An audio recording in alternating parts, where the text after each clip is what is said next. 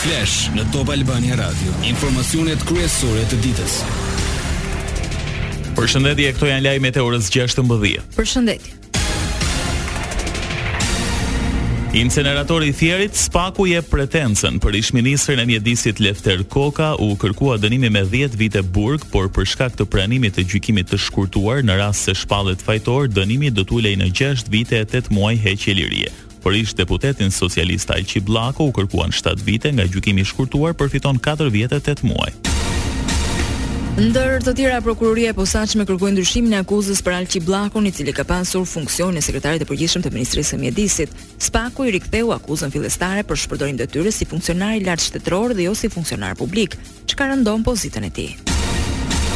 Një ngjarje e rëndë u shënua sot në Greqi, u vra me thikë në Athinë një 23 vjeçar shqiptar. Koço Myftari nga Delvina nuk ka mundur t'u mbijetojë plagëve dhe ka ndërruar jetë në spital. Ngjarja ka ndodhur në rrethana ende të paqarta. Viktimës i kanë vrarë vëllanë në Gjermani në vitin 2019.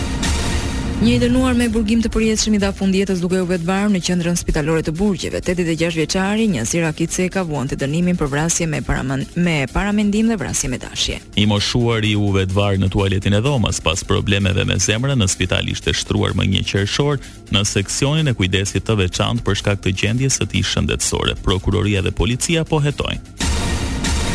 Komisioni i Çështjeve të Brendshme i Home Office në Britaninë e Madhe ka dalë me konkluzion të prerë në raportin e publikuar sot. Në asnjë rast nuk do të ofrohet azil për shqiptarët pasi Shqipëria konsiderohet një vend i sigurt, nuk është në luftë dhe si vend kandidat aspiron për t'u bërë pjesë e Bashkimit Evropian. Gjithsesi, theksohet se disa qytetarë shqiptarë kanë kërkuar azil me argumentin se janë viktima të trafikimit dhe se disa vajza dhe gra janë të rrezikuara nga ky lloj krimi. Në raport bëhet me dije se Britania e Madhe ka detyrimin të mbështesë viktimat e trafikimit dhe t'i kthejë në Shqipëri vetëm nëse do merren masat e duhura për t'i mbrojtur ata. Lajme nga rajoni.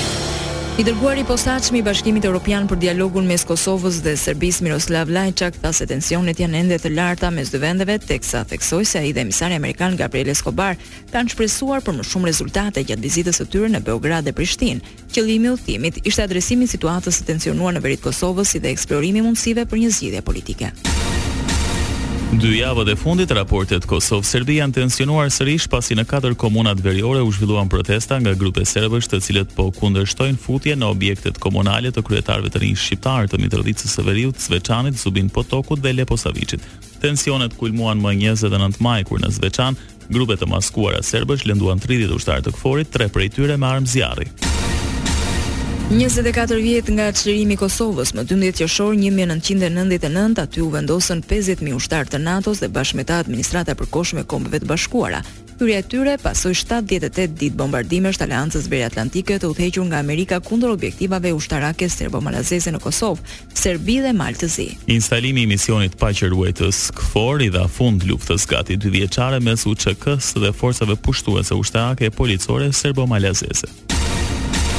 Kryeministri Edi Rama kujton vendosjen e NATO-s më dymbëdhjetë qershor një mijë e nëntëqind e nëntëdhjetë e nëntë, ndërsa shprehet se sot është dita për të reflektuar thellë dhe për ta nxjerrë Kosovën nga qorrsokaku ku e ka futur grindja absurde me aleatët. Sipas shefit të qeverisë, pa aleatët strategjikë të shqiptarëve, miq të mirë në ditët më të këqija, s'do të kishte as Republikë të Kosovës, as liri e demokraci për shqiptarët në Kosovë.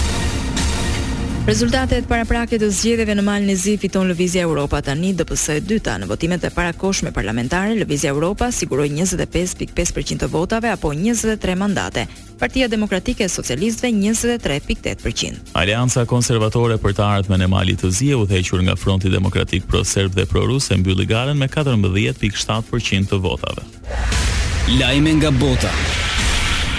Silvio Berlusconi u shua në moshën tetëdhjetë e gjashtë vjeçare pasi ka humbur përfundimisht betejën me sëmundjen e rëndë të leuçemisë, duke mbyllur sytë në spitalin San Raffaele në Milano. Giorgia Meloni i dedikoi një video-mesazh liderit të Forza Italias, partisë bashkëqeverisëse.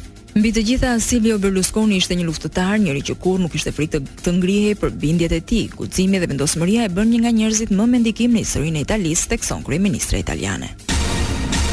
I vetëshpallur baba i kombit, Silvio Berlusconi nuk ishte vetëm një nga politikanët më të njohur italianë, por edhe një nga personazhet më të pasur në Evropë. Në vitin dy mijë e pesëmbëdhjetë, kryeministri me tre mandate i Italisë u dënua për ryshfet, vetëm dy vjet pasi u shpall fajtor për mashtrime tatimore. Megjithë skandalet seksuale dhe dënimet, ato nuk e kanë dëmtuar pasurinë e tij. Silvio Berlusconi, një manjat mediash, vendosi të hynte në jetën politike italiane. Mendohet se ka lënë pas një pasuri prej shtatë pikë nëntëdhjetë e shtatë miliardë. Eurosh.